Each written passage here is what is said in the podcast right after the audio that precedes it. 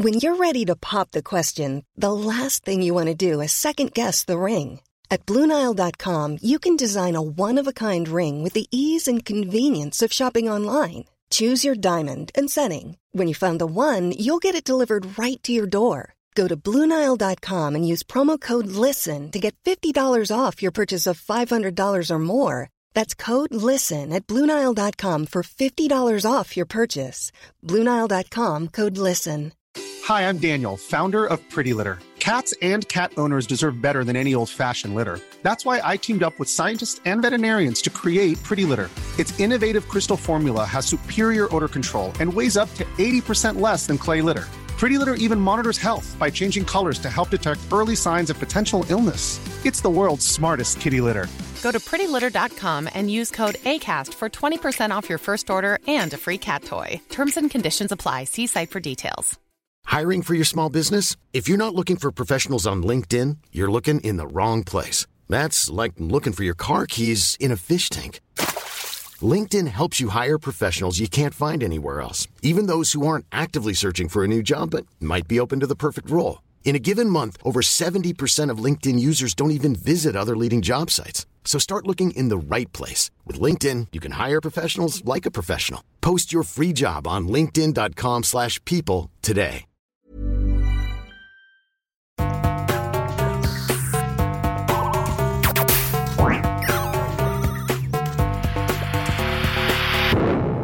Velkommen til Sinnsyn. Jeg heter Sondre Risom Livre, er psykolog, og dette er Webpsykologens podkast. Hverdagspsykologi for fagfolk og folk flest.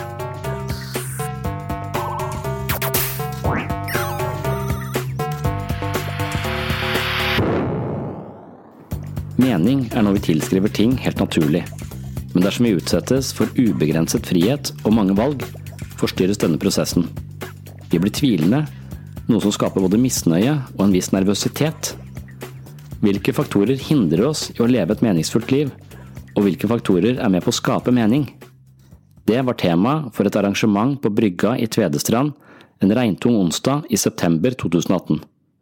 Igjen var det Human-Etisk Forbund som inviterte til en spennende samtale som ett av mange tilbud under humanetiske uker i Agderfylkene. Det var et koselig lokale, og jeg hadde en hyggelig samtalepartner. Hun het Siv Johansen, og hun er medlem av lokallaget og primus motor for det som kalles Kystkulturuka i Tvedestrand. Hun er også lokalpolitiker og jobber med enslige mindreårige flyktninger. Vi skulle forsøke å nærme oss meningen med livet på en meningsfull måte, og det er ingen lett oppgave. Det kan bli spennende, men det kan også bli bare surr. I dette tilfellet synes jeg at samtalen var ok, men opptaket ble bare surr. Jeg la telefonen min altfor nærme opptakeren, noe som la et lag av støy over lyden.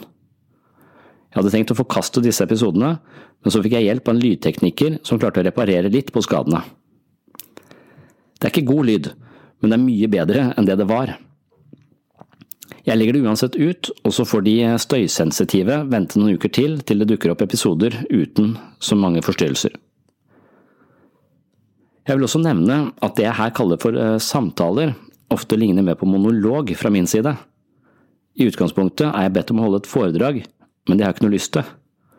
For meg er det lettere å komme på sporet av noe viktig dersom jeg har en sparringspartner underveis, og derfor er disse arrangementene lagt opp som samtaler i hermetegn. Med andre ord så er det altså meningen at jeg skal si mest, så ubalansen i taletid handler ikke bare om at jeg tar altfor mye plass. I forkant av arrangementet i Tvedestrand hadde vi forberedt publikum på temaet å poste en artikkel som vi skulle ha som utgangspunkt for vår samtale. Denne artikkelen vil jeg også starte ut med i denne episoden.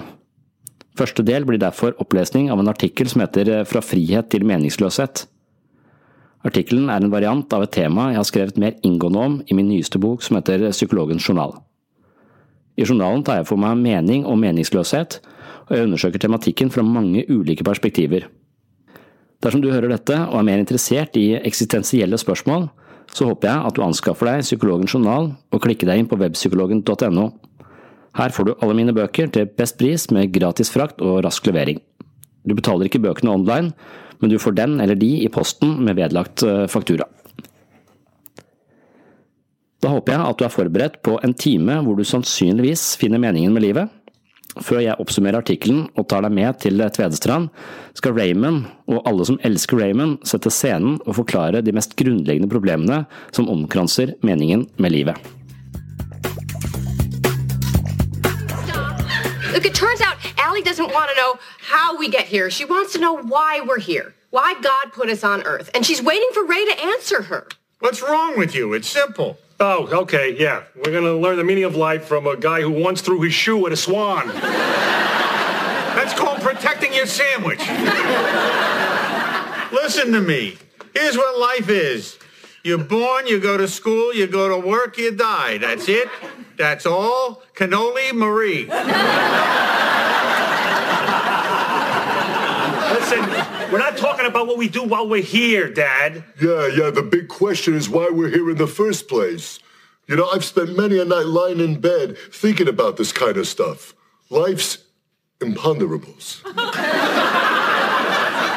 Where are we? Where are we in the big scheme of things? I think Allie's too young to be worrying about things like this. No, I'm proud of her. I love it that she's such an independent thinker. If she's so independent, why can't she figure this out herself? Ray, listen, just get up there and tell her that God put us on Earth to help each other. It's simple, it's direct, it's a good way for her to live her life. What are you talking about? That doesn't answer anything. What, what are you telling me that God said, hmm, Earth, let's see, what should I put there? Hmm. That's your God? Yeah. No way. It's got to be deeper and cool. Hello, I'm God.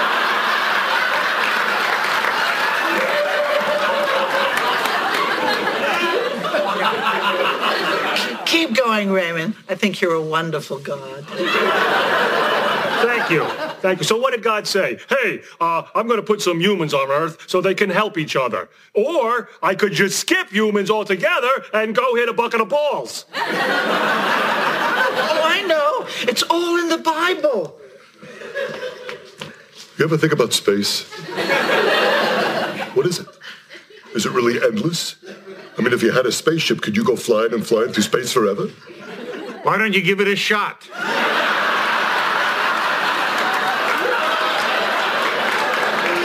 No, I'm not kidding around here. I mean, how could space go on forever? And if it doesn't, then what's at the end, huh? Stop it, Robbie. You'll give yourself a tummy ache. What about the beginning of time?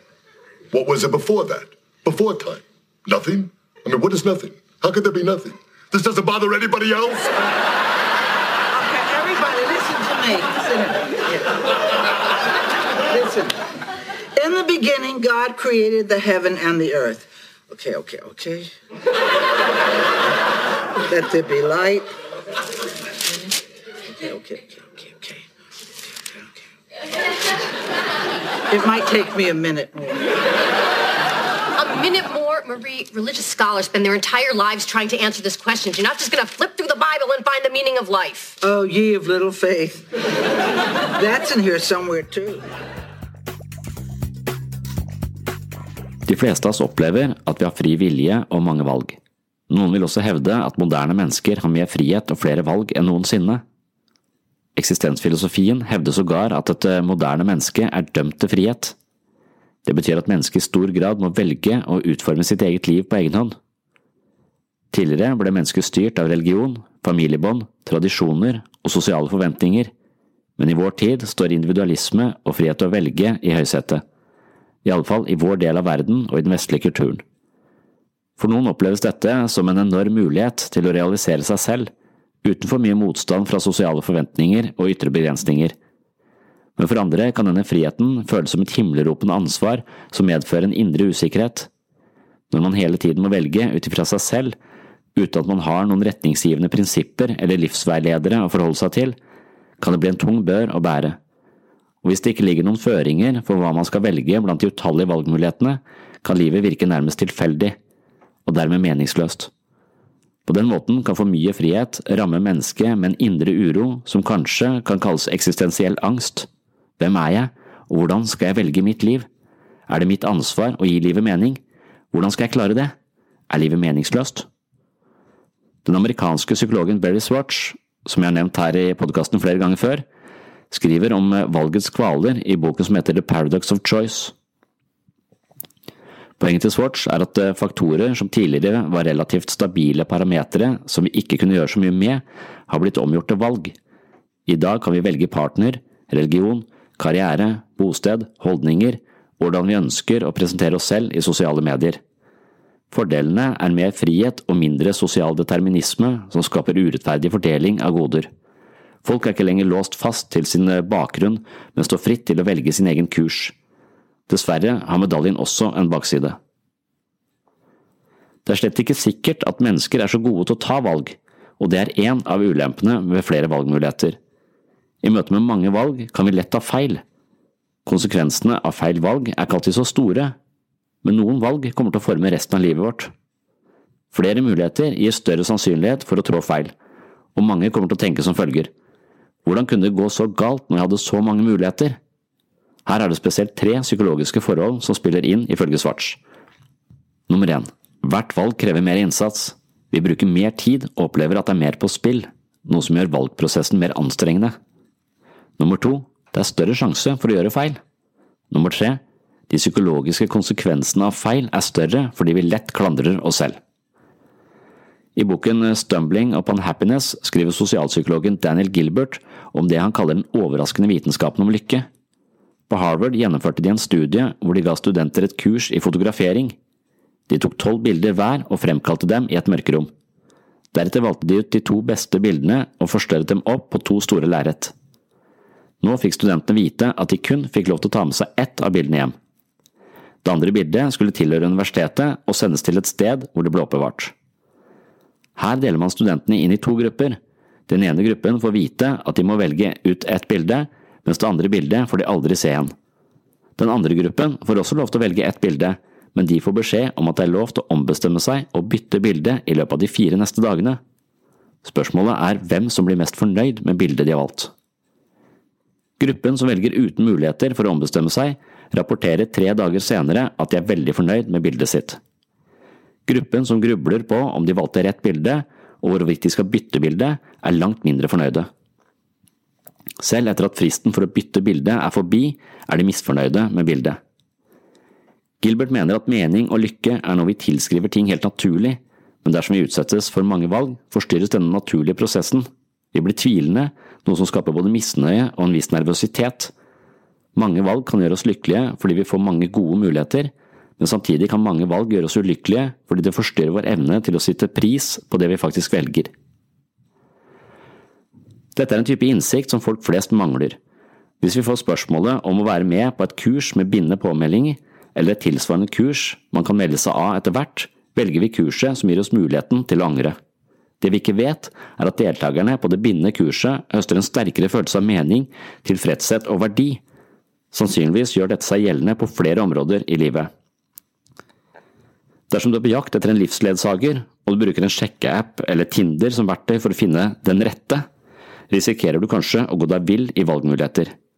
Men hvis du er på date, informerer smarttelefonen din deg om fem andre potensielle kandidater i nærheten.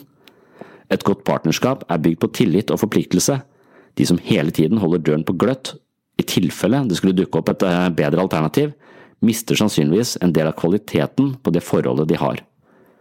Noen sier at gresset alltid er grønnere på andre siden av gjerdet, men sannheten er vel at gresset er grønnest der det vannes. Mange valg kan så forringe livet på en måte vi kanskje ikke hadde forutsett. Motsatt ser man ofte at mennesker som har for lite frihet og for få valgmuligheter, også rammes av meningsløshetens harde hånd. Dersom livet er noe som hele tiden tvinger oss i bestemte retninger, og vi opplever lite egenkontroll, kan man lett føle seg som et løv i vinden. Man blåser av sted i de retningene skjebnen bestemmer, og hva er meningen med det? En følelse av ikke være agent i eget liv vil drepe mye av vår motivasjon og livskraft, og da er veien til depresjon og meningsløshet kort. Frihet er med andre ord ikke noe man bør ha for mye eller for lite av. Det var den innledende artikkelen.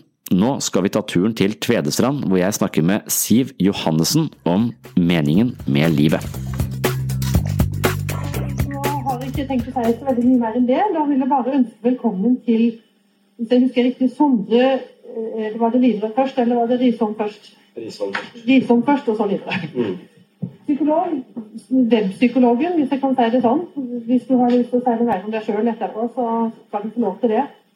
Du har eh, invitert til en eh, samtale om hvordan en kan leve et meningsfylt liv. Og først så vil du nå snakke en times tid med Siv. Siv Johansen, som de fleste kjenner, men som òg er styremedlem i lokallaget i Mannheim Forbund. Da vil jeg bare overlate ordet til dere og sette dere i gang. Vær så god, og velkommen. Takk for det. Et veldig koselig sted. Og et veldig enkelt tema. Akkurat skrevet, ferdig å skrive en bok hvor et av kapitlene handler om hva er meningen med livet. Så hvis man lurer på det, så kan man bare kjøpe, man kjøpe den boka. Og så lese konklusjonen. Eh, det, men det, vi snakket her nå, så hørte jeg at eh, Anders Torp var her eh, i fjor uh, og, og, fortalte sin historie ut fra den Jesus-soldaten-boka, tenker jeg, som jeg har lest og var veldig fascinert av. men jeg og han har på en måte nesten gått motsatt vei. da. han har gått fra et veldig sånn strengt religiøst system og ut av det. Og jeg har gått fra å være på utsiden og prøvd å gå inn i det. så jeg har gått motsatt vei. Det har min min reise. Eh, og det var eh, fordi at jeg i utgangspunktet eh, var sånn rasshølartist en periode, sånn som man er når man er ungdom. og sånn som er hvis man er Richard Dawkins. Sånn, sånn, at jeg var sånn litt for amper anlagt når det gjaldt religion. da. og så er jeg så opptatt av Jeg er psykolog, jeg jobber med å hjelpe folk til å bli en bedre variant av seg sjøl, egentlig. Eh, og jeg var ikke spesielt god variant av meg selv når jeg drev og kritiserte folks tro på en sånn nedlatende måte. Eh, så jeg hadde et ønske om å gjøre noe med meg sjøl, min egen arroganse, egentlig. Eh, og så hadde jeg en sånn, hele livet hatt en sånn interesse for de store spørsmålene. Spesielt fordi jeg er veldig redd for å dø. Jeg vil helst ikke dø, jeg vil unngå å dø. I hvert fall utsette så lenge som mulig. Så da slo jeg på en måte to fluer i en sprekk. Så for ti år siden så skrev jeg ned alt jeg mente om religion, og hvor dumt jeg syntes det var. Og så brukte jeg det brukte jeg noen år på, og så etter det så har jeg brukt fem-seks år i eh, menigheter for å prøve å motbevise, eh, eller prøve å argumentere mot meg selv. da.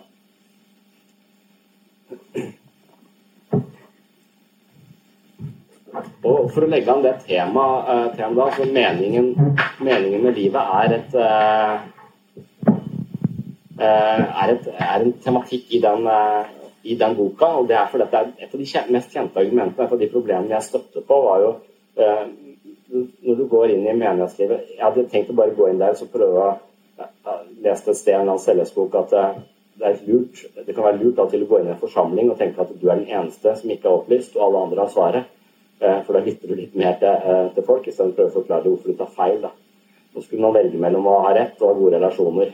Og når det gjaldt religion, så hadde jeg dårlige relasjoner, men trodde jeg hadde rett. Eh, så jeg ville så jeg skjønte at man lever lenger hvis man har bedre relasjoner, så er det ikke så viktig å ha rett, kanskje. Så det var det jeg tok med meg inn i, inn i frikirken spesielt, inn i menighetslivet. Og, og da var det, har vært i masse bibelgrupper, kurs og hatt 30 timer samtale med pastor, som også har blitt en podkast som heter eh, 'Pastoren og psykologen'. Vi har diskutert disse tingene. Men, men jeg ble også konfrontert på mitt eget livssyn. Og så, spør, eh, så, så sier jeg hva er livssyn? Jeg har ikke noe livssyn. Sånn at jeg er livssynsnøytral. Men de fleste ateister de er en form for eh, de, de, de, de, tror på naturvitenskap. De er naturalister. Så det, ja, det er, sånn, jeg, ikke, jeg, er, jeg, tror på at verden er naturlig og ikke overnaturlig, så da har du rett. Jeg er en naturalist. Og Når du da går videre inn der, så og følger litt sånn Sam Harris og sånn, så viser det at det er jo alt egentlig determinert eller tilfeldig. Eh, så vi får problemer med dette med fri vilje. Eh, så, så det etter hvert så, så, Når man dykker lenger og lenger ned, så ser man at jeg, alt jeg gjør, alt jeg sier, til og med slutten av denne setningen, er på en måte forhåndsbestemt fra the big bang og oppover. på en måte, At alt er eh, som et biljardbord hvor alt én årsak fører til en ny en til en tredje osv. Så, videre. så Så alt vi gjør, det er ikke noe plass til fri vilje i et rent eh, naturalistisk eh, univers. For det er deterministisk eller indeterministisk, altså mer eller mindre tilfeldig, tilfeldigheter. Og når jeg tenker sånn på det, at jeg ikke har noe fri vilje, og at alt bare er eh, gener og, og evolusjon og overlevelse osv., så, så mister livet litt farge for meg, merka jeg. At det var litt, det var litt trøblete. For da, et par som har vet jeg har lest Sam Harris og den frivillige uh, hans, det er jo egentlig en pamflett med ti sider eller noe. Det er, han kaller det en bok. Uh, men, men, i hvert fall så, så, er det vanskelig å ikke la seg overbevise om at vi har faktisk ikke noen fri vilje, så alt er bare forhånds, forhåndsbestemt. Og da jeg satt og skrev om dette og fordypa meg i dette så kona min, og klokka var sånn elleve på kvelden, sa hun jeg går og legger meg, og så kysser hun meg, så jeg elsker deg, og så, så jeg Eh, og så tror jeg stiller litt sånn betutta på henne på en måte. Og så Ja, jeg legger meg, og så, så klarer jeg ikke å svare. Så, så blir det sånn Ja, hva, hva, er det for noe? Og så klarer jeg til slutt så Ja, jeg skal legge meg snart, jeg også. Og, men det som foregikk inni huet mitt, det var sånn Her kommer du gående inn som en biologisk robot og sier du elsker meg, for det er du programmert til. For det vi har tre barn, og ingen av oss klarer å ta vare på de alene, så vi er nødt til å holde sammen. Så dette er en del av ditt overlevelsesprosjekt. Så her er det både nevrokjemi og ulike årsaksfaktorer som til slutt sier at du elsker meg, men det betyr ingenting, for du har ikke noe fri vilje. Og hvis du ikke har fri vilje, så kan du ikke elske meg på ordentlig. Du bare sier dette som et resultat av masse tilfeldige årsaksfaktorer. Og da følte jeg da blekner kjærlighet litt, hvis vi skal virkelig forstå det ned til nevronnivå. Og det er ikke noe gøy. Eh, og der, der har jo de eh, kristne et mye bedre svar. ikke sant? For de har, der er fri vilje en slags betingelse for det å være, eh, for det å være kristen. For det å tro eh, For det å komme til himmelen, f.eks., det betinger jo at man velger å tro på Jesus som Guds sønn osv. Og da må vi ha et valg. Eh, for Hvis ikke så er vi bare forhåndsprogrammert av Gud, da, som har bestemt at vi skal riktig og riktig. Og så er han som har bestemt at vi havner i helvete i utgangspunktet hvis vi ikke tror. Så da er det jo han som har bare satt meg på jorda som en sånn ondskapsfull spøk. At jeg skal lage et menneske her som ikke klarer å tro, og det kommer ikke han rett i helvete. Eh, selv om jeg gjør så godt jeg kan. Jeg har brukt fem år på å prøve å tro, jeg klarer det fortsatt ikke. Eh, så, så, så, da, så, da, sier de at vi har løsningen. Gud har gitt oss fri vilje. Vi, er, vi transcenderer denne deterministiske, naturalistiske verden som bare fungerer på årsak og virkning, og vi eh, eh, kan eh, velge. Det er det som gjør oss til mennesker, det er det som gjør oss helt, eh, helt unike. Og da kan man også velge hverandre, kan velge kjærligheten, og livet får en annen dybde og mening, eh, opplever jeg alltid når vi har denne muligheten for denne, denne frie, frie viljen. Uh, og Det er sånn sentralt, og det er også sånn de svarer på ondskap. ikke sant? Hvorfor er det så mye ondskap i, i verden hvis Gud er så god? Jo, for det mennesket har fri vilje. Sånn at det skapt oss uten muligheten til å velge det onde, så hadde han gjort oss til marionetter eh, og, og, bare gjort oss determinert igjen. Men da, da er det liksom, ja, men han kunne jo på en måte han kunne gitt oss fri vilje, men gjort oss litt snillere, kanskje.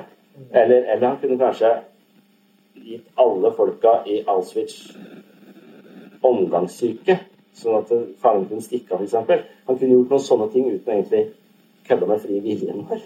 Eh, eh, det får jeg ikke noe særlig svar på. Men det høres jo veldig slitsomt ut da, hvis man skal gå så inn i, inn i det i den, det du gjorde der, da, så høres du nesten kanskje ut som en av dine egne pasienter. Altså, du blir jo litt gal av å dra den så langt ut. Ja, det sier moren min òg. Ja. Det høres veldig slitsomt ut. Må man det for å finne ut eh, hva som er meningsfullt? Ja. Eh, men den prosessen har vært ganske meningsfull eh, for meg å gå den, eh, den veien. Eh, om, har gitt, om, det har så mye med mening å gjøre, men hun har en slags idé som psykolog om at eh, at eh, indre uro handler om en eller annen uavklart konflikt i oss. Jeg tror at mye av min uro handlet om de store spørsmålene. Hva skjer når vi dør? Eh, Fins Gud? Eh. Og, og, og så har jeg, har sagt mange ganger at jeg er redd for å dø. Har en dame på jobben som er ja, da skal jeg eksponere det. Så tok han meg opp på kirkegården. Det ikke en dritt. Jeg er ikke redd for å gå på kirkegården. Jeg er ikke redd for å være i nærheten av folk som er døde heller.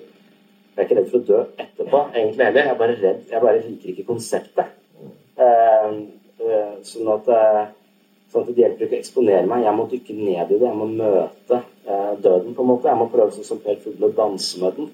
Eh, og, og, dødens onde tvilling er på en måte meningsløsheten. Men er, ikke, men er ikke det litt Er vi ikke litt heldige på en måte? Det er litt luksus at vi kan tenke på det, tenker jeg. Når du, jeg jobber med enslige mindreårige flyktninger, de, de kan jo ikke tenke på sånne ting. Nei. Forstår du? Når de Mm. venter på opphold, når de venter skal det returneres.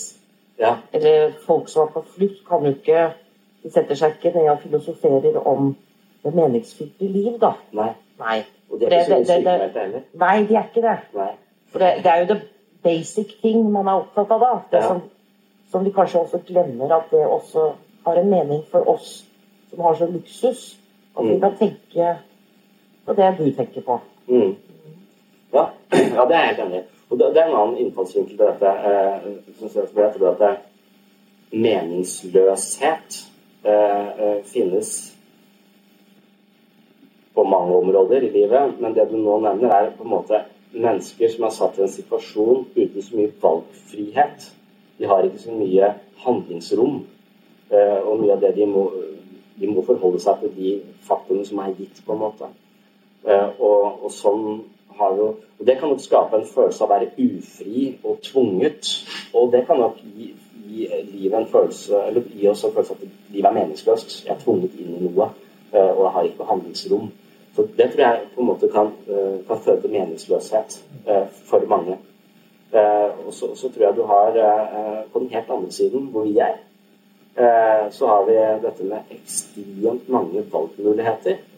Så alt det som tidligere i livet ikke var et valg, altså det som faren din var bonde du ble bonde, eller du, du fulgte et slags løp som var lagt, eller foreldrene var religiøse, så du var religiøs på samme måte som de var religiøse. Altså det, det var en del ting som du bare måtte forholde deg til. Mens alt det som vi bare kunne forholde oss til før, det har vi nå gjort om til valg. Vi kan til og med velge hvilken gud vi skal tro på. Det er ikke bare én gud, det er en haug av dem. vi kan, kan velge et koldtbord av forskjellige andre eh, varianter. Eh, og vi kan velge hvem vi skal bli, hva vi skal bli, eh, hvordan vi skal fremstå. Så alt er gjort om til valg. Og det har vi altså kanskje tenkt at det er masse valg gir oss masse frihet, og det gir livet mening. Men der viser jo også veldig mye forskning at det gjør nettopp det motsatte. Altså at eh, ting virker det, det, Ja, det kan komme til å virke litt tilfeldig hva, hva du velger, samtidig som det skaper veldig mye angst. Så for lite frihet skaper meningsløshet, og for mye frihet gjør det samme. Altså du bare uh, sykler rundt en haug av uh, muligheter uh, uten å helt ha noe, egentlig være kvalifisert for å velge i det hele tatt. Det er en annen ting. Det kan gjøre livet meningsløst, men det kan også gi oss ekstremt mye mer angst. Kirkegård har sagt at angst er det som dukker opp i sekundene før du tar et valg. Og hvis du da dramatisk øker valgmulighetene våre, så, eh, så vil du sannsynligvis også få ganske mye mer angst i, i forkant her. Og, og det er også en hel ren logikk. Altså når du møter en, en, en valgsituasjon hele tiden, og du følger deg mange valg, så hviler det veldig mye på dine egne skuldre. Så du klarte veldig feil i alle disse valgmulighetene. Hvor idiot er ikke du eh, som, som klarte det? Og når du først har valgt blant masse valgmuligheter, så er du jo veldig sjelden fornøyd med det valget. Og Du kikker alltid tilbake og tenker hva skulle valgt det isteden? No, noen gjør det. Mange, ja, mange gjør det. Så, ja, så jeg som heter Barry Svart, som deler opp i maximizers og minimizers. Og minimizers det er de som sier at det, det her er standard, og hvis jeg tar et valg som når den standard, så er jeg fornøyd, så tenker jeg ikke mer på det. Mens maximizers det heter hele tiden ute etter å ta det beste valget. Så de bruker ekstremt lang tid på å velge, så de googler alt veldig lenge før de velger. Og, det, eh, og da er det forskning på det. Jeg har funnet ut er, det lønner det seg å, vurdere alle valgmulighetene våre så nøye. Eh, og det gjør det, for de tjener litt mer og har litt bedre jobber. Eh, men de er mindre fornøyd i livet sitt. så de som da er, har, er fornøyd med middelmådig, de har, det, de har bedre livskvalitet, men de tjener litt, litt mindre. Så trikset, har jeg skjønt, er å være fornøyd med sånn middelmådig, men kjenne noen som er maximizers, og så bare se hva de har kjøpt. Så kjøper du det samme. Eh, når det gjelder regntøy og sko til barn og alt mulig. Det er alle de valgene jeg skal ta hele, hele tiden. Så, Men eh, er det frykten for å gjøre feil, da? Er det det som ligger der, da, som gjør at du blir så mm, gal av at 'å, har jeg valgt riktig', og frykten for å mislykkes, på en måte? ja. Det, det, det, tror jeg. Og så tror jeg ikke vi er programmert for å gjøre valg. Jeg tror ikke vi har en hjerne som er så veldig god på å gjøre valg. Altså, Vi har mer en hjerne som er programmert til å handle på autopilot. Så at vi bare tar oss fram uten å tenke oss uh, så mye om. Må vi da hele tiden bli forhindra av det fordi vi blir tvunget til å velge hele tiden. Så, uh, så, så, tror jeg det uh, kødder med hele systemet vårt. og sånn artig undersøkelse som, som leger som Hvis du undersøkelser som er gjort, så viser at hvis jeg tror det var hoftetransplantasjon eh, Leger har pasienter som blir sendt til hoftetransplantasjon. Eh, og så får de en beskjed etter at det finnes eh, en medisin du kan prøve som kan hjelpe denne smerteproblematikken, så vi slipper å transportere hoften. Og da vil de fleste leger kalle tilbake denne pasienten, så de prøver denne medisinen først. Men hvis du har den samme situasjonen og sier til legen vet du hva, det finnes to typer medisiner som du kan prøve for det, så lar det bare gå transplantasjon. For da, så, så, Jo mer komplekst det blir, jo lettere er det bare å gi eh, Så, så vi, er ikke, vi, er ikke, gode på å vurdere vanskelige ting. Vi klarer ikke å ta valg mellom ting. Så jo mer komplekst det blir, jo mer paralyserte blir vi. Og så, så lar det bare gå. Så det kan være at vi blir stående sånn liksom perplekse eh, i møte med alle disse, eh, disse valgene. Og det, det, føler jeg at noen mennesker som jeg møter i min jobb, faktisk er. altså De har på en måte stagnert eh, foran en mur av valgmuligheter og klarer ikke å velge noe som helst, for de aner ikke De, de har ikke noe sted å stå for å velge. De har blitt tvunget til å velge på et for tidlig tidspunkt. Vi, vet jo ikke hva det skal bli når de blir stor. Eh, og så må du spesialisere deg på et stadig tidligere, tidligere tidspunkt. Og noen fikser det bare ikke, og da blir du bare stående og, og på en måte spole på stedet liv i, i livet sitt. Men hvorfor er det sånn at vi er så Hvorfor er det sånn at det er vanskelig å velge? Er, er det fordi at vi er redde for å mislykkes, eller er det Hvorfor er vi sånn? Fordi, er, fordi at vi er eh, konstruert for å leve i et diktatur. Mm. Eh, så, så, og, eller kanskje aller helst et opplyst envelde. Mm. Men for all del ikke demokrati. Nei. For det, har ikke kompetanse til å ta de, ta de valgene. Så, men, men jeg husker det, det, det kvart har tvilt på alt mulig rart. og når jeg leste Samuel Beckett, Molloy og de, husker jeg en, en av karakterene i Samuel Beckett sin roman som faller ned i en grøft. Men han slår seg ikke. Men han må bare finne ut av hvordan han skal komme seg opp igjen. Og det er ikke noe dypt, så det er ikke så vanskelig heller. Men det er bare spørsmålet om han skal gå til venstre eller til høyre. Eller om man skal bare følge grøfta litt lenger frem, for så å gå til venstre eller høyre litt lenger fremme. Eller om man rett og slett bare skal gå tilbake igjen eh, eh, og, og, og, følge den grøfta på vei hjem. Han blir sittende så lenge, altså 30 sider er vanskelig å lese dekket altså pga. disse tingene. For du skal være med på hele denne vurderingsprosessen hans. Til slutt så dauer han i grøfta. Kom seg faen ikke opp igjen. Og lå i døden, tror jeg den boka heter. Og det, som, det er den radikale tvilen satt ut i praksis. Når du har så mange muligheter, så kan du rett og slett bare eh, dø foran dem. Så filosofien er å velge?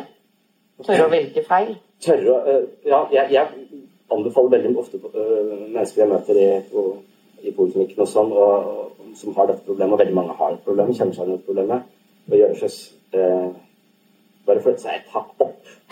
Lite i konsekvensene av hvert eneste valg du tar. Eh, og, og, heller bare, eh, hver gang du møter et valg, bare velge, og så, du, så, er det seieren, på en måte. Seieren er å velge. Så er du klarer å velge, så har du vunnet, uansett om du valgte feil. For at eh, Hvis du skal fortsette å bare drive og, og surre rundt i, og, i tvilen, eh, så blir du bare mer deprimert og får mer angst.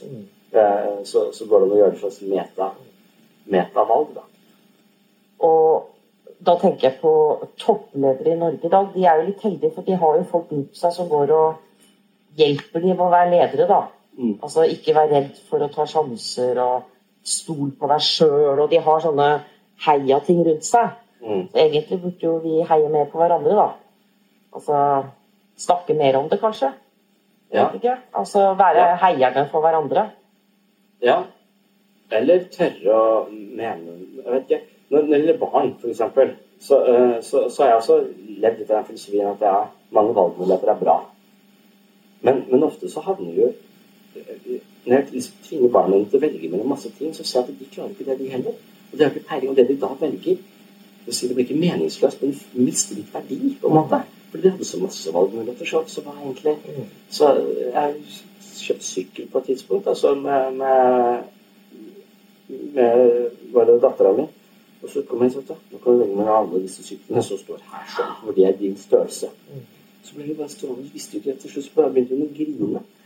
Så klarte vi å velge, og så gikk vi ut av butikken hjem uten sykkel. Vi klarte det ikke. Og da neste gang jeg skulle med sønnen min og kjøpe sparkesykkel, så gikk jeg inn, så kikka jeg over, så så jeg en som var på TV og sa Dæsken, der er jo verdens beste sparkesykkel. Så jeg Nei, hvor? Den svarte der? Er det verdens beste? sa jeg. Det er verdens beste sparkesykkel, sa jeg. Vil du ha den? Ja. Og han har aldri vært så fornøyd med noe som helst i hele sitt liv. Men det er jo en løgn, da. Jeg aner ikke om det der var verdens beste sparkesykkel. Han er veldig fornøyd med at jeg førte han til det valget. Bra løgn. Ja, og jeg er egentlig imot å lyve, men eh, akkurat den situasjonen så det skulle jeg likt å ta opp med en eller annen løgnfilosof. Ja. There's never been a faster or easier way to start your weight loss journey than with PlushCare. PlushCare accepts most insurance plans and gives you online access to board-certified physicians who can prescribe FDA-approved weight loss medications like Wigovi and Zepbound for those who qualify. Take charge of your health and speak with a board-certified physician about a weight loss plan that's right for you. Get started today at plushcare.com slash weight loss. That's plushcare.com slash weight loss. plushcare.com slash weight loss. Millions of people have lost weight with personalized plans from Noom, like Evan, who can't stand salads and still lost 50 pounds. Salads, generally, for most people, are the easy button, right? For me, that wasn't an option. I never really was a salad guy. That's just not who I am. But Noom worked for me. Get your personalized plan today at Noom.com. Real Noom user compensated to provide their story. In four weeks, the typical Noom user can expect to lose one to two pounds per week. Individual results may vary. Hiring for your small business? If you're not looking for professionals on LinkedIn, you're looking in the wrong place. That's like looking for your car keys in a fish tank. LinkedIn helps you hire professionals you can't find anywhere else, even those who aren't actively searching for a new job but might be open to the perfect role. In a given month, over 70% of LinkedIn users don't even visit other leading job sites. So start looking in the right place. With LinkedIn, you can hire professionals like a professional. Post your free job on linkedin.com slash people today. Så hvis du blir fanget i for trange kår, så kan livet virke meningsløst. Men så for mye frihet, så blir livet også meningsløst. Så det er jo en eller annen gyllen middelvei her, da, sannsynligvis. At vi kanskje hadde likt å ha litt mer føringer, litt mer styr. eh, litt mer ytre ja. Eh, religion er jo et slags stort operativsystem du kan bruke som har tatt en del valg for deg på forhånd, så du slipper å ta alle de valga på egen hånd. Og, og de vurderer, mange vurderinger er allerede gjort på hva som er rett og galt, og hva som er bra og ikke bra osv. Så, så, så det er en del fordeler med det. Du kan hvile, så bare manøvrere etter et kart som allerede er, er tegnet opp. Uh, og det har jeg sett på som det at, at jeg kan føle av og til at kristne mennesker har en større grad av mening i livet sitt enn det jeg klarer å finne. Og at jeg veler litt rundt uten helt å få fatt på det. Det er like det jeg mente han der Yuval Noah Harari som vi snakket om, eh, om, om i går, for det tenkte jeg på når jeg jobba i barne- og ungdomspsykiatri. Eh, så det leste jeg senere da sånn Harari var det Sapiens eller Homo Deus, husker ikke, en av de første bøkene hans. Eh, hvor, hvor han sier at religion er jo et spill som fyller livet med masse mening. Eh, og det handler om Og det har veldig mange regler. Det kaller de dogmer, på en måte. Når jeg har møtt de religiøse, så er det veldig De tviler på dogmene sine. Og det er nesten skjønt som den, at de, hvis ikke vi har dogmene, så blir det vanna ut. Og da blir religion så abstrakt at Gud dør. Så vi må ha disse dogmene. Altså, det er galt, det er riktig. det altså, for, for da blir det et spill som er verdt å spille. Og da er det tydelige regler. Hvis du tar vekk de dogmene, så, så, så, det, så mangler vi reglene. Det er litt som å Det er noe av det kjedeligste jeg vet, å spille kort med de minste eh, barna mine, for de følger ikke noen regler. Da er jo hele spill Det er helt meningsløst å spille. Det er bare litt kort på bordet, liksom. Og er, sånn, er, er tennis interessant hvis du tar vekk nettet? Jeg vet ikke helt. Eh, Det, det, det kan hende, men, men, men det er noe med at de trenger disse, disse rammene og dogmene for å få et meningsfullt spill. Derfor tviholder de på det, selv om de er helt idiotiske. Eh, Så jeg mistenker at de tenker jeg skjønner at de er idiotiske, hvis de tar vekk, så forsvinner Gud. Det kan de ikke. Så jeg tror de, tror, jeg tror de vet av og til at mange av de tingene de tror på, er helt bak mål.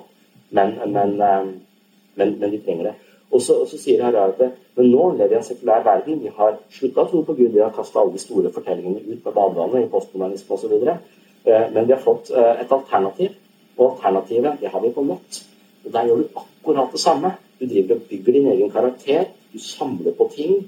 Og så kommer du til slutten av brettet, og så du, gjør du opp poengsummen, så kommer du eventuelt til neste brett. Og det sitter masse ungdommer med døgnet rundt. Og det er det samme som religion. Altså, vi, vi, prøver å samle poeng. Vi ber for andre. Vi er gode mot andre. Vi prøver ikke å være utro. Eh, homofil er minuspoeng osv. Og, og når vi da kommer til veis ende, så får vi da gjort opp poengsummen, og så kommer vi eventuelt videre til neste brett. Eller vi kommer alltid videre til neste brett, kanskje. Du kommer til et dårlig eller et bra brett da, eh, etterpå. Og når vi har tatt det vekk fra livet der ute, så har vi tatt det inn på datamaskinen. Så nå har folk begynt å fylle livet sitt med et meningsfullt livsspill i World of Warcraft. Og spørsmålet er om kanskje det var bedre når vi fikk poeng for å være gode mot andre, eller gi en tiende til de som har mindre. Kanskje det var et bedre prosjekt enn alt på nett. til mistenke jeg. Det vet vi ikke, da. Vi vet ikke hva resultatet blir av den generasjonen, på en måte. Nei, det vet vi ikke. For det er jo litt nytt for oss, og vi er jo alltid skeptiske til nye ting. Eh, men det du sier, er altså at, eh, at uh, spill De spiller jo mye. Mye ungdom isolerer seg på rommet. At det er blitt den nye religionen, da, på en måte. Uh, eller for dem, da. For dem som sitter der og blir så vitenskapelig engasjert. Ja, strukturen ligner religion, ja. er vel det som er. Så Jeg har ikke noe uh, religiøse kvaliteter, sånn sett, men det er, det er bare det er strukturen som fyller Vi skal fylle dette livet med et eller annet. Mm. Det er det som er spørsmålet. Hva er hva konstituerer et meningsfullt liv? Eh, og, og, og, i den grad at det å bygge karakter osv. Men når du bygger en karakter som ikke er deg sjøl, men som er en avatar av deg selv, så vil jeg mene at det er et dårligere prosjekt enn å faktisk bygge den karakteren du faktisk er. For den karakteren faktisk er, så kan en kjæreste, f.eks. Det kan de sikkert der inne òg, men er det så gøy? Eller hvor gøy er det? Jeg vet ikke, kanskje blir så avansert at det er kjempegøy nå? Det, det vet jeg ikke. Men uh, ja, ja, jeg kan ikke så mye om uh, aldri drevet uh, med det. Så. Men sånn som Hva gjør man da når man har dødsangst og ikke tror på Gud? For det må jo være mye lettere å dø hvis man tror på en gud. Altså, For da blir jo alt veldig kult etterpå. Mm. Det gjør det ikke for andre som ikke tror. Ja, da blir man transhumanist, og så betaler man masse penger til Alcor for å bli frosset ned eh, rett før du, før du dør. Så venter du på at Elon Musk skal finne på en eller annen teknologi som kan tine deg opp på en annen ja. planet. Koster mye penger, da. Koster mye penger. Ja, det koster ikke så mye penger, faktisk. Det koster mye penger, men, eh, men det er jo han Ole Martin Moen som har gjort det der. og han eh, ikke hva han sa, det er, noen, eh, det, er noen, det er en slags forsikringsordning, da, så at man ja. betaler månedlig. Men man kan gjøre det i Canada? Ja, kanskje det. Ja. Eh, da vet vi det. Ja. Så det er et alternativ, ikke sant? Ja. Så, eh, så, transhumanistene For de har også vært eh, Når jeg har skrevet en bok om psykologen mitt møte med de store spørsmålene i religion, så har jeg også møtt transhumanistene som er et alternativ. Altså de, de, Men hva betyr transhumanisme? Hva betyr transhumanisme? Det er jo eh, forbi humanismen. Det er sånne, det som kjennetegner det, er kanskje at de er veldig sånn teknologioptimistiske. Eh, de har veldig troa på ny teknologi, genteknologi. Han diskuterer eh, CRISPR og sånne. Så vi kan på en måte modifisere oss, og, og, og, og vi kan gjøre noe med hele ja, hele menneskeheten kan eventuelt reversere aldringsprosesser. De er veldig sånn optimistiske til hva ny teknologi kan hjelpe oss med. Mm. De mener jo da at ny teknologi vil utrangere Gud, for dette er teknologi som faktisk funker. Så, så et av kapitlene i den boka at Gud hater teknologi. Eh, for det er en stor konkurrent. ikke sant? De vi kan forlenge livet, vi kan eh, leve Vi kan oppjustere oss selv. Liksom. Masse sånne, sånne store tanker de har. Men det ligner jo litt, da. Så de skal ha evig liv med teknologi, og de andre skal med Gud. Og... Ja. Evig liv, det er det som er det store ja. Det, det, er, eh, det er også det, det er det man ønsker? Ja, ikke hvis det er jævlig. Det er. Jeg møter mange mennesker som har lyst til å dø. Det skjønner ikke jeg nå. Uh, Tenk deg godt å komme, tenker jeg da. Dette er, jeg skjønner at du lider nå, men smerte er jo som regel midlertidig. Så det kan være at det kommer et eller annet Du vet jo hvis du dør, da, hva som skjer. Så det er jo her en musikk på her. Men, øh, men jeg tenkte jeg, Ole Martin Moen sitt argument er at det, mot alle disse eksistensielle filosofer som sier at Eller Per Fugle for den saks skyld, som sier at det er jo døden som er rammen rundt livet. Eh, så uten døden så blir ting meningsløst. Altså døden gir livet mening, fordi at det rammer det inn på en måte. Jeg kan, jeg kan se det ikke sant? hvis at du skal male huset, og du skal leve evig.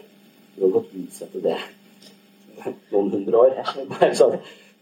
Så det å prokrastinere, som det heter, det, det vil nok bli et eh, kanskje sånn rundt her. Men jeg vet ikke. Hvis du veit du snart skal dø, du male huset da? Men eh, så Ole Martin Moen sier at ok, dere sier at et liv som varer så så lenge, er meningsfullt. Men hvis vi forlenger det samme livet, så blir det meningsløst. Det mener han er helt intuitivt eller nødvendig helt sant. da. Jeg kan jo tenke det hvis du har to år igjen da, av å leve, så vil du jo egentlig forte deg med å finne den meningen og, og prioritere riktig.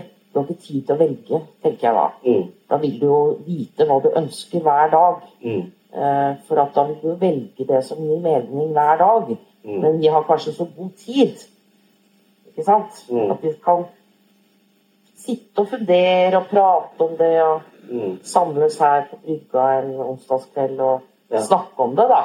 Det betyr Mm. ikke at vi kommer til å gjøre noe valg før vi kanskje tror at nå må jeg skynde meg. Ja, ja. absolutt. Så, så, sånn som denne her Nå ikke, nå snakker ikke de andre menneskene til lokalet så mye, men for det er så fælt. Men, men, ja, men ofte så, så Jeg sitter i denne typen grupper på jobb også med, med Jeg kaller det pasienter, for det betyr egentlig folk som lider. Så noen kaller det brukere. Så det høres ut som noe med rus, så det pleier jeg ikke å si. Men, eh, men i hvert fall sitter vi og diskuterer eh, denne typen, eh, type ting eh, eh, ofte. Og, og, og da dukker eh, veldig ofte Jeg har vært opptatt av selvhjelpslitteratur, så jeg hadde et sånt prosjekt hvor jeg leste 100 mest solgte selvhjelpsbøkene. Et tips som går igjen, er dette med se for deg din eh, Skriv din egen eh, epitaf, eller hva det heter. Altså, se for deg at du ligger på dødsleiet. Eh, eller og, og, og, hva, og ser tilbake på livet ditt. Hva ville du angre på? Og det er en slags mental øvelse vi av og til kanskje kan gjøre. Det også en sånn memento mori-aktig ting. altså Husk du skal dø. At det er noe vi kanskje av og til skal eh, tenke litt på for å, for å nettopp ikke bare ta alt for gitt og bare ja, på en måte føle meningsløshet i overflod. Men jeg tror det er litt sånn for at jeg vokste opp med en mamma som alltid sa åh, altså hadde ikke jeg fått dere, da skulle jeg gjort det og det, men nå er det for seint. Ja. Eh, og derfor så er jeg veldig sånn Jeg sier ja til alt som virker så spennende. Ja. Og plutselig blir det veldig mye. Ja, ja. Jeg kan ikke gå glipp av noe. Nei. Nei. Det må du ikke gjøre. Si ja til alt. Så det, det, det blir litt sånn. Men alt er gøy, og jeg angrer ikke på noe. Alltid må du stoppe, da. Ja, for du kan komme til å gå på en smell. Det er en vanlig vei til å gå på en smell. Ja. Og da stopper man og rydder litt sånn en gang i året. Mm. Nei, nå må jeg si nei til det, altså. Beklager, jeg kan ikke likevel. Ja. Ja. Jeg har hørt et veldig godt tips, for jeg er også litt sånn som gjør masse, men jeg har hørt et godt tips om Petter Wallis eh, på en podkast. at du sier det er feil, Espen. Espen Thoresen og Kristoffer Mm. Steen. Petter Wallis han var jo sånn leder i NRK og mye foredrag og masse ting. Han gikk på et kjempespill. Han hadde det kom som lyd fra klar himmel på ham. liksom. Han bare gikk rett i bakken. Eh, og etter det, når han kom seg opp på beina igjen, så begynte han med sitt stjernesystem som var bare tre stjerner i løpet av en uke. Så hver gang han skal ha et viktig møte eller eh, holde et foredrag, et eller annet, så, så er det én stjerne. Og hvis da vennepar ringer og spør om de kommer på middag, så han jeg kan ikke ha tre stjerner. Nei, For at det, han, han må hente seg inn. Og han, ja, så han må sette noen total begrensning på seg selv. da. Jeg har hørt det, så det er- det er ekstremt enkelt, men veldig lurt, så jeg har stjernesystemet. Du har det? Ja, Hvor mange stjerner har du i uka? jeg har måttet spare opp stjerner til disse humanetiske ukene. Ja, ja, for jeg skal rundt alle byene. Så jeg, har spart opp stjerner nå hele sommeren. Oi, så flink du har vært. Jeg vet ikke om det er lov å drive og samle på dem for så å bruke det et annet sted. Jeg tror egentlig du bare skal ha tre stjerner hver uke. Ah, ja. Hver tre Men har du fysisk sånne klistrelapper du har på kjøkkenskapet, liksom? Nei, jeg har det i en sånn avtale. Jeg har, går alltid rundt med rundt med men jeg har avtalebok. Ja. Jeg har ikke sånn øh, elektronisk avtale, har det alltid skrevet. Og der har jeg også stjerner. Men det var jo lurt, da. Ja, det er lurt. Ja, det var det. Ja. Stjerner, da. Ja. Og hvis folk, når folk begynner å skjønne at du bruker stjernesystemet òg, så blir de ikke så skuffa når du sier nei. Nei. Så, å nei, du har ikke flest stjerner. Nei, jeg har ikke det. da skjønner jeg det. Ja. Åssen er det denne uka? Ja, ja, ok, denne uka går det. Ja, ja. Ja, ja det var lurt. Mm. Men uh, det der med valgmuligheter og finne Ha muligheten da til å finne ut hva som gjør et meningsfullt liv, det er jo variabelt fra menneske til menneske. Altså, og, og hvor du kommer ifra hen, og hvilken kultur Det er jo litt kultur... eh, ja, betinga. Eh, det er jo Derfor så går det nesten ikke an å diskutere det heller med andre, da. Man har jo forskjellige Hvorfor skal det gi noe mening, liksom? At, eh, er, det så vik er det så viktig da, at du skal ligge hengekøya en time om dagen? Ja. Er det bortkasta tid? Ja. Jeg, jeg har en idé Man mangler et eller annet sånn markasjonskriterium et eller annet for hvor Ja, hva er, hva er det vi snakker om i, i utgangspunktet, og, og, og, og hvem skal bestemme hva som er det menneskelige, for det kan være veldig individuelt. Men jeg lurer på om det går an å si noe generelt om det. Eh, og en sånn, eh, sånn måte å klassifisere det på, som jeg ofte snakker om, er, det, er dette med forholdet mellom metaspill og objektspill. Og Det er noe som heter eh, Robert E. Ropp, som skrev om, og Thomas Satz, som er psykoanalytiker, gammel psykoanalytiker, som er at vi kan dele verden i metaspill og objektspill. Og objektspill det handler om å tjene mest mulig penger for å kjøpe seg flest mulig ting. Alle de spillene som handler om en eller annen sånn konkurrerende virksomhet. På sett og vis så ligner det, syns jeg, på at det, et ego i underskudd trenger å vinne noe fra omgivelsene for å føle seg Eller det tror det. er Ego sin store misforståelse er at det, bare jeg kommer meg dit, eller bare får den jobben, eller den karrieren, eller de vennene, eller de likesa på Facebook, så får jeg det bra. Så et ego i underskudd driver helt inn og henter noe utenfra og inn. Og det er også veldig da egosentrisk. Men hvis du er i balanse og er fornøyd med deg selv og er glad i deg selv på en god måte, elsker deg selv som den neste type ting Hvis du er i i rimelig balanse, så vil behovene dine endre seg fra å være egosentriske til å, noe som Maslow kaller metabehov. Så de vil Istedenfor å være egoistisk motivert, så er du mer altruistisk motivert. Og det å da et, et, mer altruistisk eh, eh, motiv er nok det som borger for et ganske mye mer harmonisk og godt liv. Da. Eh, så det vil jo det beste tipset altså, Sånn som du gjør i menigheter, be for andre. Tenk på andre enn deg sjøl. Og lag en praksis ut av det. Det er der jeg mener Human-Etisk Forbund burde må, må, de må ha et hus og en praksis for en del av de tinga vi veit er bra eh, for å leve et, et godt liv. Men, men objektspillene altså, de, de har vi hele tiden, for det handler om å karre til seg noe. Og gjerne på bekostning. Bare den for den parkeringsplassen eller den Så, så, så, de, de, de, de er mye motivasjon i objektspill. Du vil vinne. Eh, Så, så du, du, du kan ha spisse albuer, men på en eller annen måte så, så gir det livet et Du fyller livet med noe eh, som kan virke meningsfullt, og du kan få sånne tilfeldige lykkefølelser fordi du vant det spillet. Er Litt sånn som, men det er litt sånn som rusmisbruk. Det funker der og da, og så går effekten ut, og så, og så vedvarer den ikke noe særlig. Så jeg mistenker at alle de spillene som jeg spiller, har denne karakteren og ikke fyller livet med så mye dypere mening. Kanskje tilfeldig lykke, men det kan være noe helt annet. Eh, Så hvis vi trenger et mer meningsfullt spill, så sier man sier Thomas Hasselhus at det, ja, det finnes noe som heter metaspill. Det handler om å kultivere sitt indre liv, på en måte. Så Tradisjonelt sett så har det vært eh, vitenskap, religion og kunst har typiske metaspill. Jeg lurer på om et metaspill rett og slett har en slags kreativ komponent. altså alt, Allerede fra det lille barnet begynner å liksom det, det barnet gjør, det er å utvikle sitt potensial, ordne med ting, utforske ting, være nysgjerrig. Det er en sånn, sånn kreativ kraft. da. Og jeg lurer på det stimulerer denne kreative kraften inn i en type metaspill. Det tror jeg kanskje er det, man, det som konstituerer et, et, et meningsfullt metaspill, og da et meningsfullt livsspill. Og det kan være alt mulig rart. Altså, for meg så kan squash kan være et metaspill, for det forsvinner helt. Jeg bare er i spillet. Kroppen min gjør ting som jeg blir overraska over. Eh, for det styrer den ikke lenger.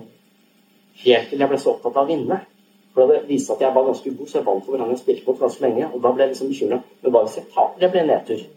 Og da tror jeg dette spillet, som kanskje i utgangspunktet var veldig sånn vitaliserende og på en måte Jeg var til stede veldig i livet. Jeg gleda meg til det. på en måte Det var noe jeg henta kraft ut av. Så ble det helt noe som ble stress for meg. For det ble viktig å vinne. Og jeg tror det da gikk fra å være et metaspill til et objektspill. Og sånn tror jeg ødelegger veldig mange av livsspillene mine. Eh, på en måte. En annen eh, Han er jo død nå, da, men går det an å lukke den døra der? Går det ta bildet opp der mens jeg kanskje? Er malt igjen. Ja. Uh, Arne Næss, Ja. han eh, Jeg husker han kom hit for mange år siden, uh, helt på slutten. Han hadde med seg denne dokka si Jeg husker ikke hva den dokka het, jeg.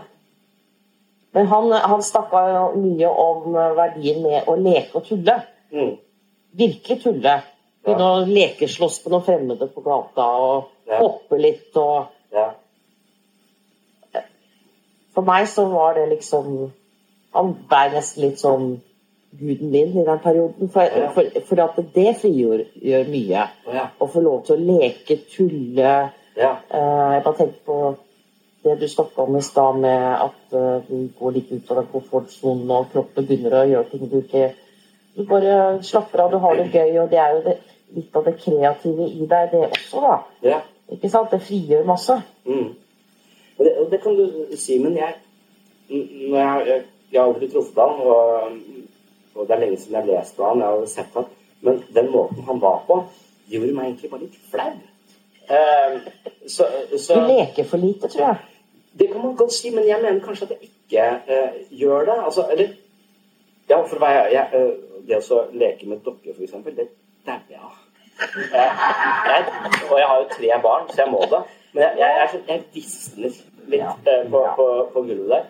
Så, så Det må jo ikke være dokke. Altså, det, Nei, nei. Men det å leke sånn Ja. Det er ikke akkurat dokka, men det å tulle mer og Ja.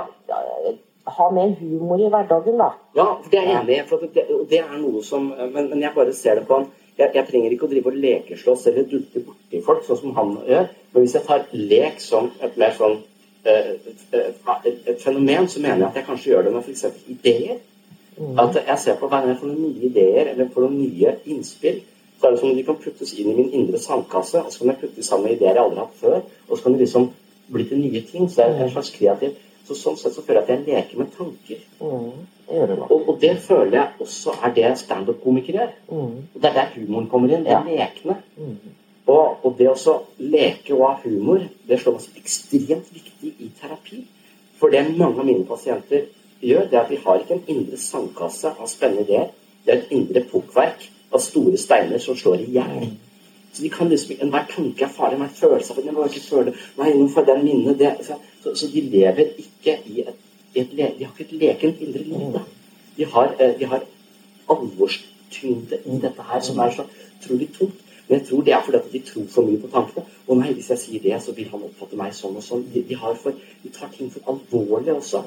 Mange av de har masse traumer, men noen av de tar bare ting for alvorlig. Eh, og det kan godt være at det passer for de å drive og tulte folk og sånn. noen ganger, Så, men, men så jeg, jeg tror jeg er enig i dette kreative lekaspektet eh, ved det. Eh, men jeg bare var eh, ble flau av måten man gjorde det på. Eller, det hadde aldri passa meg. da. Nei, jeg skjønner det. Og så, gjort det. Men han var, fri, han var fri nok til Ja. å tørre, tenker jeg. Mm. Og så tenker jeg den dokka var mer et symbol, føler jeg, på lekenheten hans, Ja, nettopp. enn Mm. at han faktisk satt og lekte så veldig mye med den. Ja. Timotei eller noe sånt, hva heter det? Eh, Mm. det var vel mer symboler rundt det, da. Ja. Ja. At eh, så uhøytidelig er jeg at jeg har med meg en, Ja. en leke, liksom. Ja. Voksne mann på 80 år. Det er kult. Ja, det er det. Da, da stoler du på deg sjøl, mener jeg. Ja, ja, ja. Absolutt. Mm. Ja. Det er lenge siden han døde, er ikke det? Jo, det begynner det en stund siden. Ja.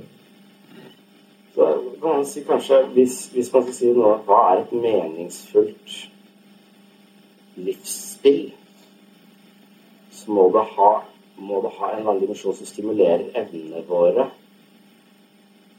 på en måte som ikke nødvendigvis involverer egoet vårt behov for å vinne eller bli noe mer. Altså vi må være tilfredse der vi er, og vi må kanskje nesten forsvinne i det vi gjør. Altså det er det som virkelig er da vi er på vårt beste som, som mennesker. Da. Og jeg mistenker kanskje at det ikke kommer av seg sjøl. At de som virkelig føler at livet er meningsfullt, det er de som jobber litt hardt og lenge med ting for at det skal åpne seg en slags mening i det. Det er jo f.eks. musikk, da. Du kan ta det som er lett tilgjengelig, som du kan nynne på umiddelbart. Eller så kan du ta et album som bare virker helt umulig, og som du hører på det 250 ganger, før du plutselig oppdager å, nå skjønte jeg det. Og så åpner seg et eller annet nytt i den eh, musikken. At det kanskje en del sånne han, Mihai Senchik, Mihai klarer ikke å uttale navnet hans, Mihail, Mihai som, som, er kjent for å skrive om, eh, om, kreativitet, og de mennesker som virkelig har gjort noe stort, da, som har fått Nobelpris eller endra måten vi tenker på, eller endra hele sitt fagfelt osv., hva kjennetegner disse geniene, på en måte. Og det er veldig sjelden at de har en sånn eksepsjonell evne fra barnsbena. De er kanskje ofte helt middels på, på skolen osv. Uh, men, men det som kjennetegner de, er en sånn uh, pågangsmot og en voldsom entusiasme for noe. Så der, der, andre stopper og gir opp, så står de bare på og på og på, og på helt til de bryter en slags usynlig vegg, og så dukker det opp noe helt, eh, noe helt nytt. Og når de beskriver Hvis de blir kjent for det, så er det bare en sånn irriterende forstyrrelse, på en måte.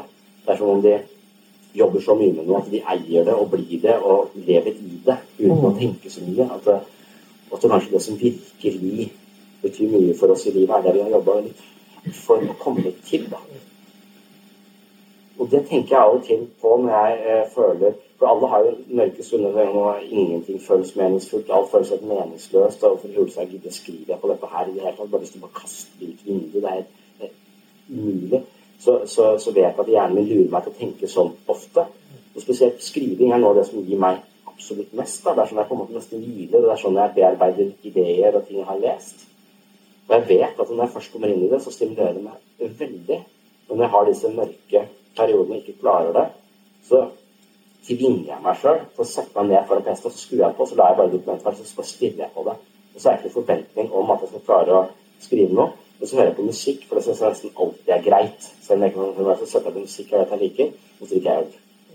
Det med har ikke vært så lurt etter hvert, så det så jeg prøvde å bytte ut med grønn te, men blir ikke helt det samme. Men hvis jeg har øl og musikk og den teksten der, så blir jeg sittende sånn og sture. Men til slutt så ser jeg der er en kommafeil. Den må jeg i hvert fall rette opp. Og så faller blikket mitt litt lenger ned. Altså, ja, der trenger jeg det. Det var det jeg skal ha i den setningen. Og så plutselig så klarer jeg å bryte det. Og sånn, Det er ikke alltid jeg gjør det, men, men det er i en mulighet. Jeg, jeg holder det oppe som en, som en, mulighet. Og jeg tenker alltid at jeg kunne gått av en stor smell hvis jeg ikke tenkte at ja, nå lurer hjernen min meg til å bare gjøre livet svart-hvitt.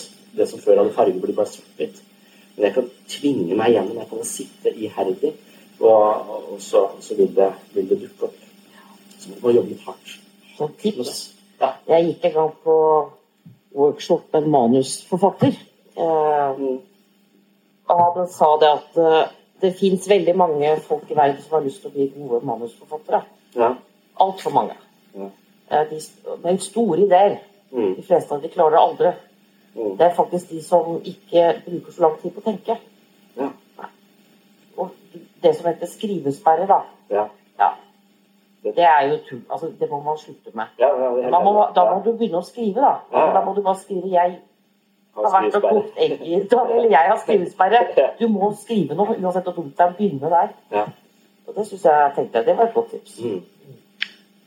Men i det også så lurer jeg på hva er som har gjort at jeg syns at det å Bokbyen liker jeg. Og det, det, er litt Det er fordi at jeg jeg, jeg tror at vi blir liksom programmert fra vi vokser opp også. Det var tema for samtalen vår i går. Altså dette operativsystemet vårt eller selvbildet vårt osv. Og, og jeg har en del føringer fra foreldrene mine. altså Moren min var veldig raus og omsorgsfull. Men faren min var litt streng. Ikke veldig streng, men han var strengere enn hun. Eh, og han var opptatt av å studere leksene mine, og han la veldig mye verdi i å lese. Han var norsklærer. Han la veldig mye verdi i bøker å lese, og nærmest tvang meg litt til det. Men etter hvert så har jeg adoptert det. Har blitt mitt. Det har blitt mitt prosjekt å lese eh, bøker. Så jeg er glad for at han pressa meg eh, til det, for nå eier jeg det som min egen ting, selv om jeg vet jeg har det for han. Men det er også det som gir livet mitt ekstremt mye glede, da, og, og, og så videre. Og så etter hvert så tenker jeg at det har jeg sikkert for han. Men så har jeg begynt å tenke at kanskje jeg kan tilskrive ting mening selv. Kanskje jeg kan bestemme hva som virker meningsfullt og menings, ikke gir så mye mening. Og da tenker jeg, på sett og vis har jeg kanskje den evnen til at da jeg har blitt tenke sånn at sjakk gir mye mening for meg. Fordi jeg har tilskrevet det spillet veldig mye mening. Eh, og jeg kan tilskrive biljard veldig mye mening, mening. Men jeg vil ikke spille med noen, for da blir jeg for opptatt av å vinne. Jeg spiller med meg selv. Jeg også inne i en sånn som jeg tilskriver ting i livet mitt stor mening. Og når jeg gjør det, så føler jeg at det fyller meg. Fordi jeg har bestemt at det skal det gjøre.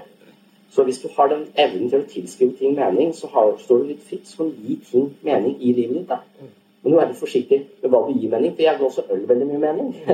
Du kan jo gi heroin veldig mye mening, men så, så du må være litt, eh, litt forsiktig med du, hva du tilskriver denne, denne meningen.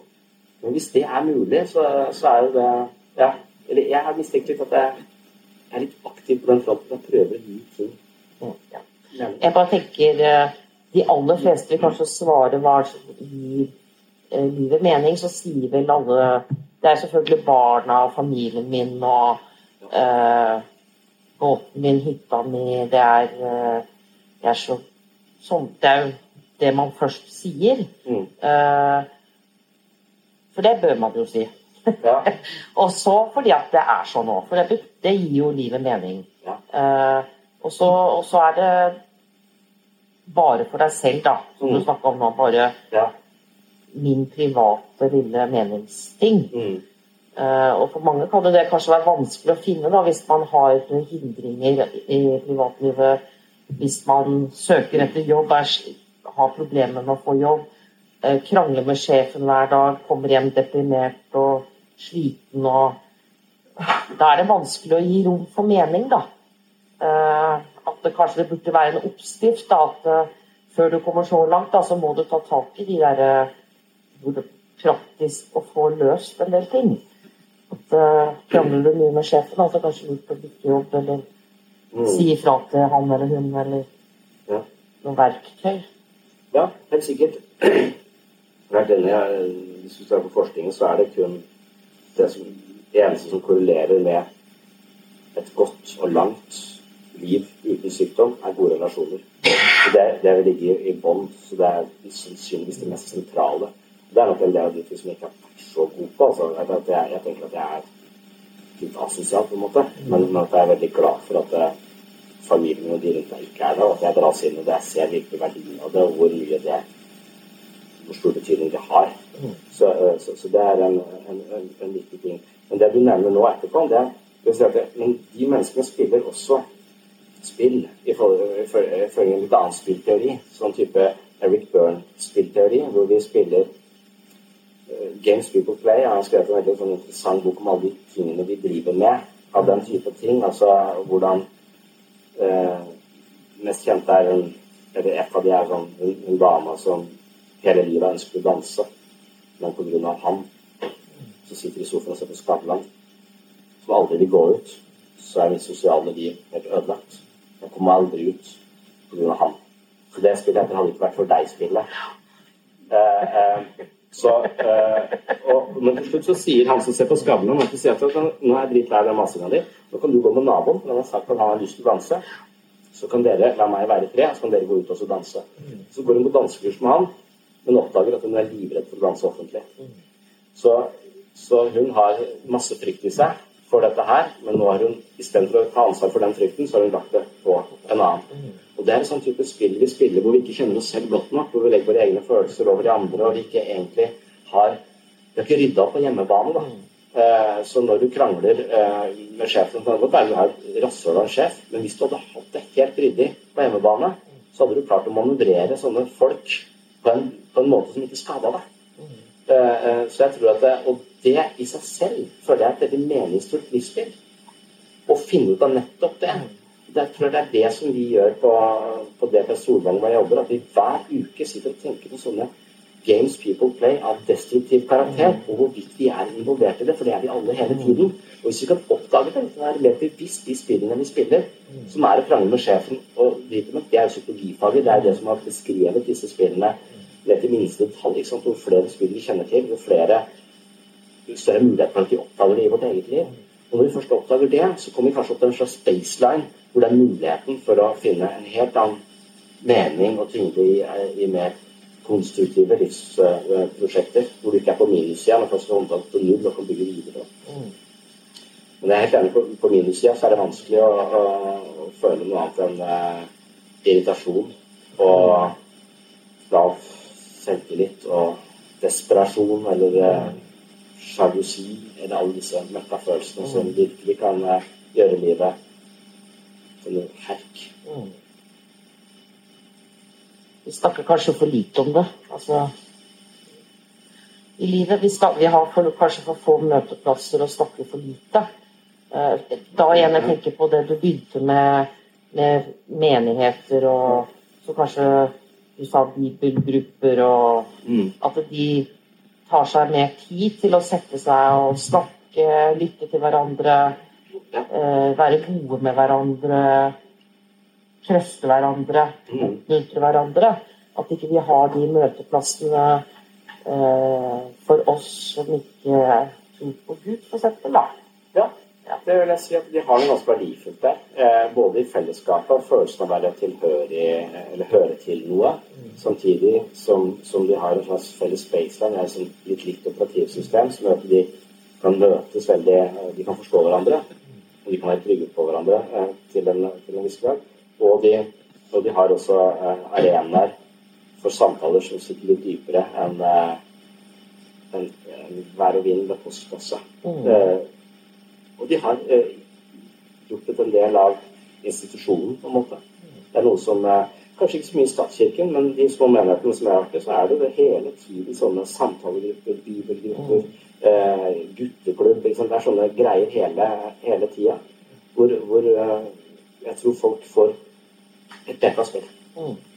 Det er det som Thomas Sass sier også, at du er nødt til å finne et spill som har vært å spille i livet ditt.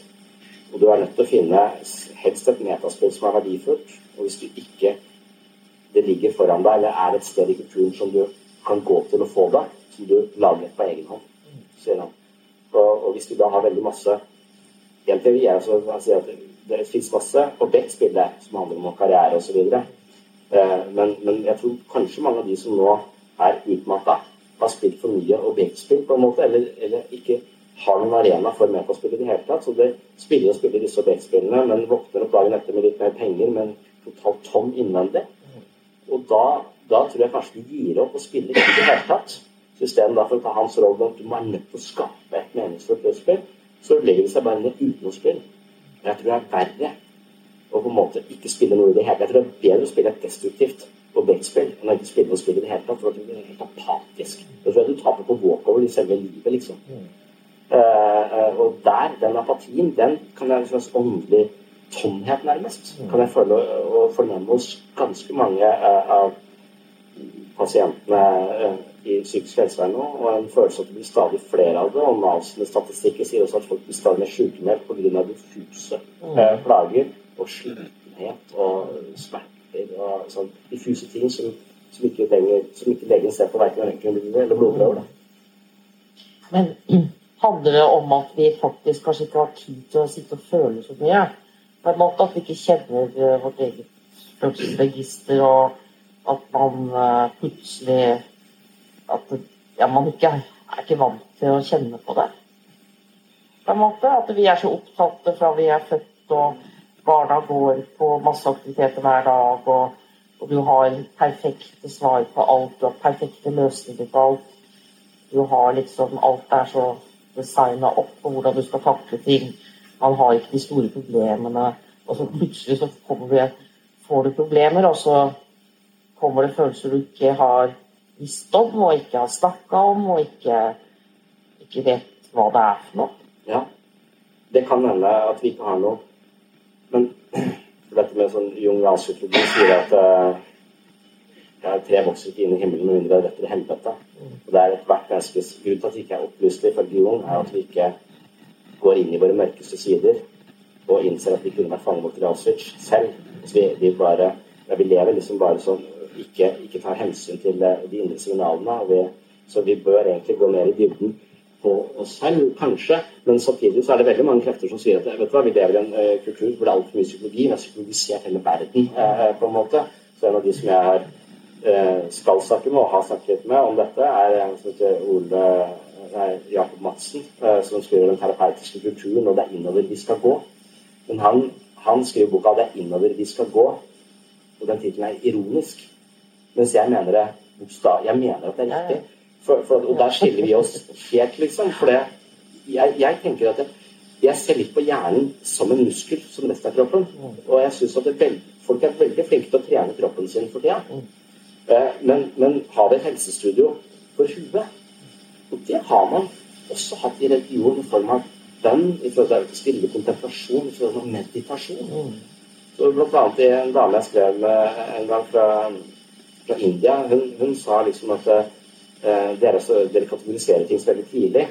Eh, mens i, i, i, vår kultur så vil barn helt fram til tiårsalder de vil bare bli betraktet som et utrent sinn. Vi snakker ikke om ADHD eller vi bare snakker om et utrent sinn.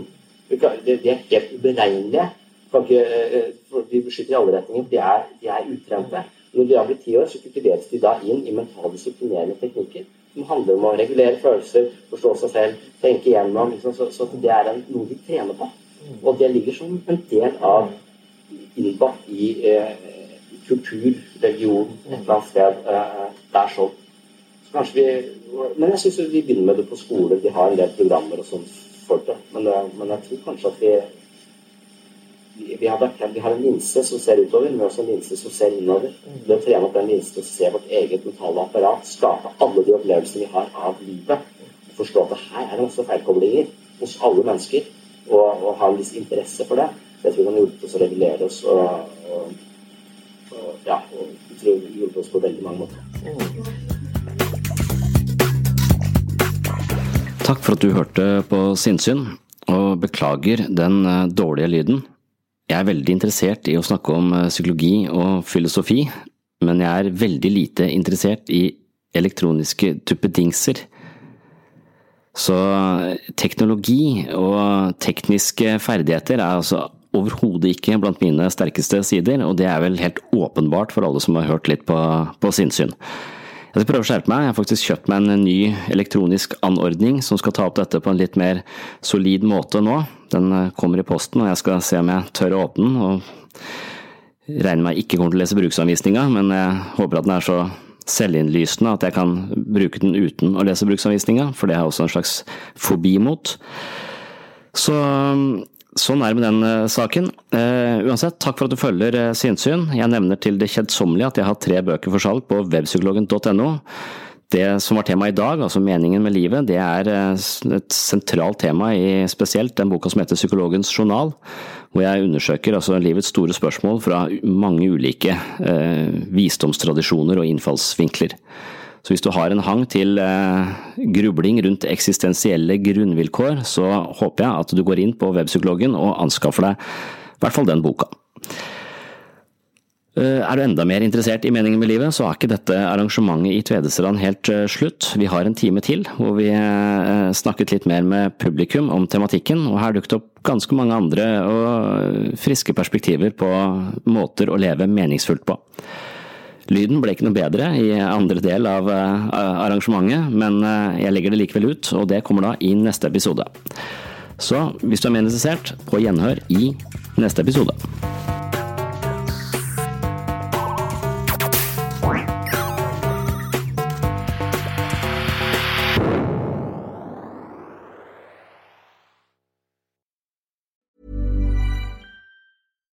Hi, I'm Daniel, founder of Pretty Litter. Cats and cat owners deserve better than any old fashioned litter. That's why I teamed up with scientists and veterinarians to create Pretty Litter. Its innovative crystal formula has superior odor control and weighs up to 80% less than clay litter. Pretty Litter even monitors health by changing colors to help detect early signs of potential illness. It's the world's smartest kitty litter. Go to prettylitter.com and use code ACAST for 20% off your first order and a free cat toy. Terms and conditions apply. See site for details. Planning for your next trip? Elevate your travel style with Quince. Quince has all the jet setting essentials you'll want for your next getaway, like European linen, premium luggage options, buttery soft Italian leather bags, and so much more. And is all priced at 50 to 80% less than similar brands. Plus, Quince only works with factories that use safe and ethical manufacturing practices. Pack your bags with high-quality essentials you'll be wearing for vacations to come with Quince. Go to quince.com slash pack for free shipping and 365-day returns. Even when we're on a budget, we still deserve nice things. Quince is a place to scoop up stunning high-end goods for 50 to 80% less than similar brands. They have buttery soft cashmere sweaters starting at $50, luxurious Italian leather bags, and so much more. Plus, Quince only works with factories that use safe, ethical, and responsible manufacturing. Get the high-end goods you'll love without the high price tag with Quince. Go to quince.com slash style for free shipping and 365-day returns.